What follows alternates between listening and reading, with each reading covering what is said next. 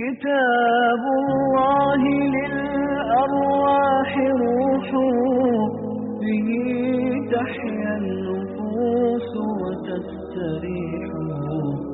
كتاب الله للأرواح روح به تحيا النفوس وتستريح. بسم الله الرحمن الرحيم. الحمد لله والصلاة والسلام على رسول الله وعلى آله وصحبه وسلم تسليما كثيرا. حياكم الله والإخوة الكرام. في هذا الدرس من دروس التعليق على تفسير البيضاوي واليوم هو الأحد الخامس والعشرين من شهر محرم من عام 1434 الهجرة وكنا وقفنا في الدرس الماضي عند تعليق على قول الإمام البيضاوي رحمه الله في قوله سبحانه وتعالى اهدنا الصراط المستقيم تكلم عن معنى المستقيم في آخره وقال والمستقيم المستوي والمراد به طريق الحق وقيل هو ملة الإسلام. واكتفى بهذا البيان في معنى الصراط المستقيم. ولم يشر إلى أي تفاصيل في ذلك. علما أن هذا الموضع بالذات من المواضع التي يتوسع فيها المفسرون. ولذلك يقول الإمام ابن تيمية رحمه الله في مقدمته في أصول التفسير عندما أشار إلى أنواع الاختلاف في التفسير. وأشار إلى أنه ينقسم إلى قسمين اختلاف تنوع واختلاف تضاد. ثم قال وغالب اختلاف السلف من النوع الأول من اختلاف التنوع. ثم قال رحمه الله قال مثال ذلك تفسيرهم للصراط المستقيم. فقال بعضهم هو القرآن. أي اتباعه؟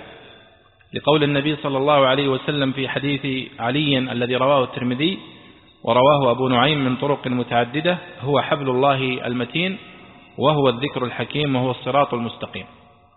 وقال بعضهم هو الإسلام لقوله صلى الله عليه وسلم في حديث النواس بن سمعان الذي رواه الترمذي وغيره ضرب الله مثلا صراطا مستقيما وعلى جنبتي الصراط سوران وفي السورين أبواب مفتحة وعلى الأبواب ستور مرخاة وداع يدعو من فوق الصراط وداع يدعو على رأس الصراط.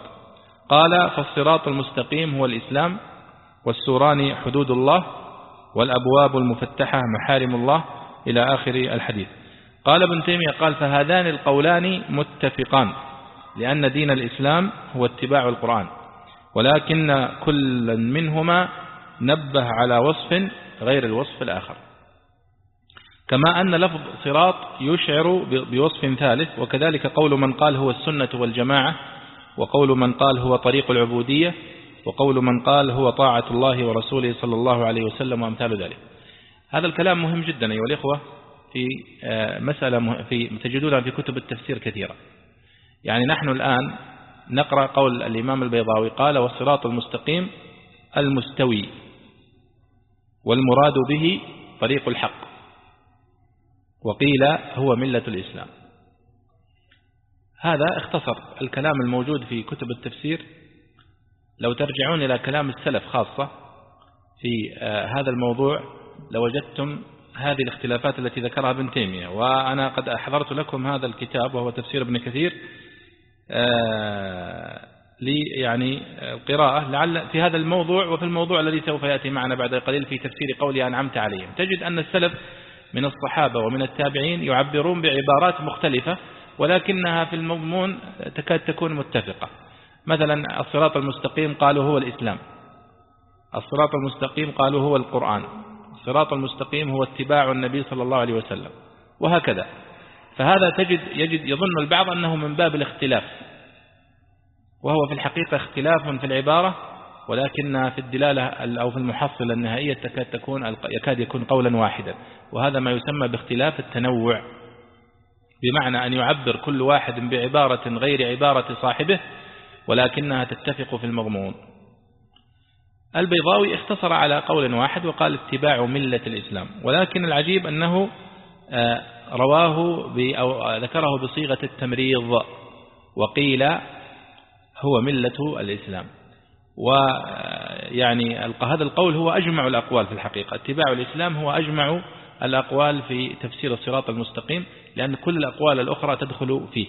ولذلك كان الأولى بالبيضاوي أن يذكره بصيغة أكثر جزما من قوله وقيل طيب آه، نأتي إلى آه، اليوم نبدأ من صراط الذين أنعمت عليهم. لعلك تقرأ يا شيخ عبد الله. قال البيضاوي رحمه الله تعالى صراط الذين أنعمت عليهم بدل من الأول بدل الكل وهو في حكم تكرير العامل من حيث إنه المقصود بالنسبة وفائدته التوكيد والتنصيص على أن طريق المسلمين هو المشهود عليه بالاستقامة على آكد وجه وأبلغه لأنه جعل كالتفسير والبيان لأنه جعل كالتفسير والبيان له فكأنه من البين الذي لا خفاء فيه. فكأنه من البين الذي لا خفاء فيه أن الطريق المستقيم ما يكون طريق المؤمنين.